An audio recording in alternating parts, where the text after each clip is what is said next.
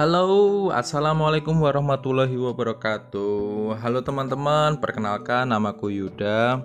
Di sini aku akan membuat sebuah podcast baru. Podcast ini aku namain Pod You.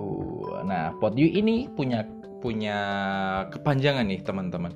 Pod You ini punya kepanjangan podcast for you atau podcast buat kamu. Jadi teman-teman, kalau teman-teman ingin mendengarkan apa yang aku ingin bahas, apa yang ingin aku utarakan, silahkan nanti teman-teman dengerin karena aku di sini nggak cuma sembarang ngomong, tapi di sini aku juga akan memberikan ilmu-ilmu, memberikan sharing-sharing. Nah, jadi teman-teman sambil nganggur, sambil mengisi waktu luang, sambil nih dengerin aku suara aku ya.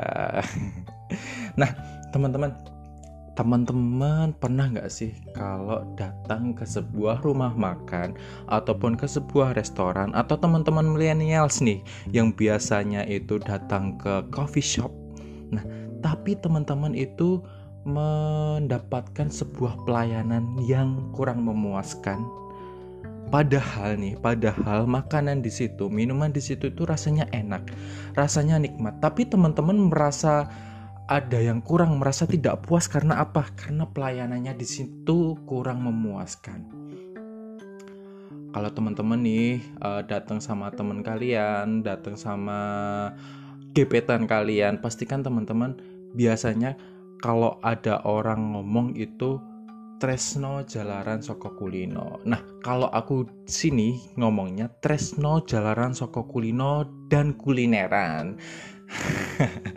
ngaco aja nih nggak nggak nggak nggak nggak nyambung jadi gini teman-teman aku di sini ingin nih mengulas uh, kalau di perkuliahan khususnya di manajemen sumber daya manusia itu ada tuh yang namanya training and development. Nah, training and development ini adalah sebuah cara untuk uh, memberikan pelatihan dan memberikan pengembangan untuk karyawan-karyawan baik karyawan baru ataupun karyawan lama di mana uh, karyawan ini bisa memanfaatkan semua yang ada dalam dirinya untuk keberlangsungan dari perusahaan atau dari usaha yang dijalani yang di mana dia bekerja. Nah, jadi teman-teman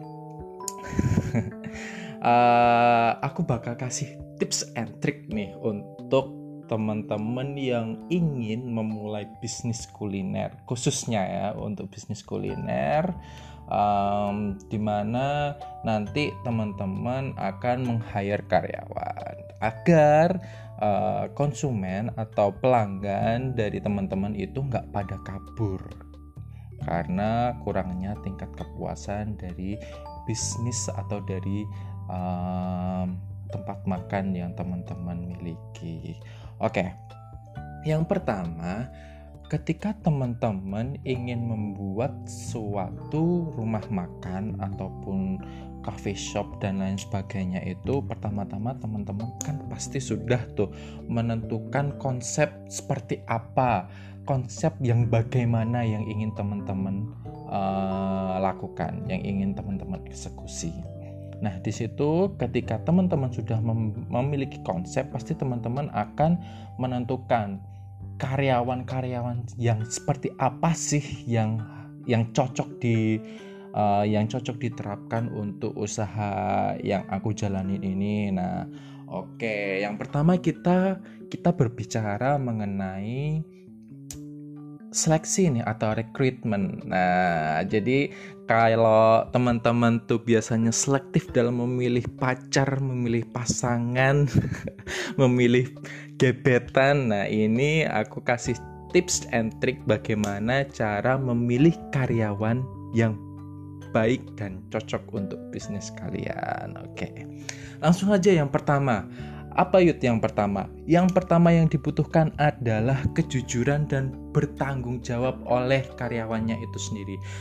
Kalau teman-teman memiliki sebuah usaha, tetapi karyawan teman-teman itu kurang bertanggung jawab dan tidak jujur, pasti akan apa ya istilahnya? Tidak mem, tidak memberikan tidak memberikan istilahnya pengaruh nggak pengaruh sih apa ya aku nyebutnya nggak memberikan bantuan yang signifikan untuk bisnis teman-teman bahkan nanti akan membuat bisnis teman-teman itu terasa uh, turun secara signifikan karena tidak adanya kejujuran, tidak adanya integritas dari karyawan dan juga tanggung jawab. Jadi nanti kalau ada teman-teman memberikan tugas kepada karyawan itu, karyawan itu lepas tanggung jawab kan juga nggak bagus juga untuk bisnis teman-teman ya kan. Yang pertama itu. Yang kedua yaitu rajin bekerja dan penuh semangat. Kalau nih teman-teman memilih karyawan dengan karyawan dengan tipikal orang yang malas-malasan aja pastikan teman-teman juga gedek juga kan gedek sendiri tuh kok punya karyawan yang males amat gitu pastikan juga nggak baik juga untuk bisnis teman-teman. Nah selanjutnya untuk yang ketiga uh, yang dibutuhkan oleh pemilik bisnis yaitu senang hidup bersih. Nah bayangin bayangin aja nih teman-teman. Teman-teman datang. Bayangin aja teman-teman datang di sebuah tempat makan tempat makannya itu terkenal enak tetapi ketika pelayannya datang physically uh, bukan bukan apa ya bukan jatuhnya untuk rasis ya tapi um, kalau pelayannya itu good looking kan enak gitu kan ya kita mandangnya. Tapi kalau karyawannya itu acak-acakan terus amburadul. Kan kita ngeliatnya uh tempat makan tapi punya pelayan jorok. Nah itu kan enggak banget kan teman-teman. Nah itu juga harus dipikirin nih.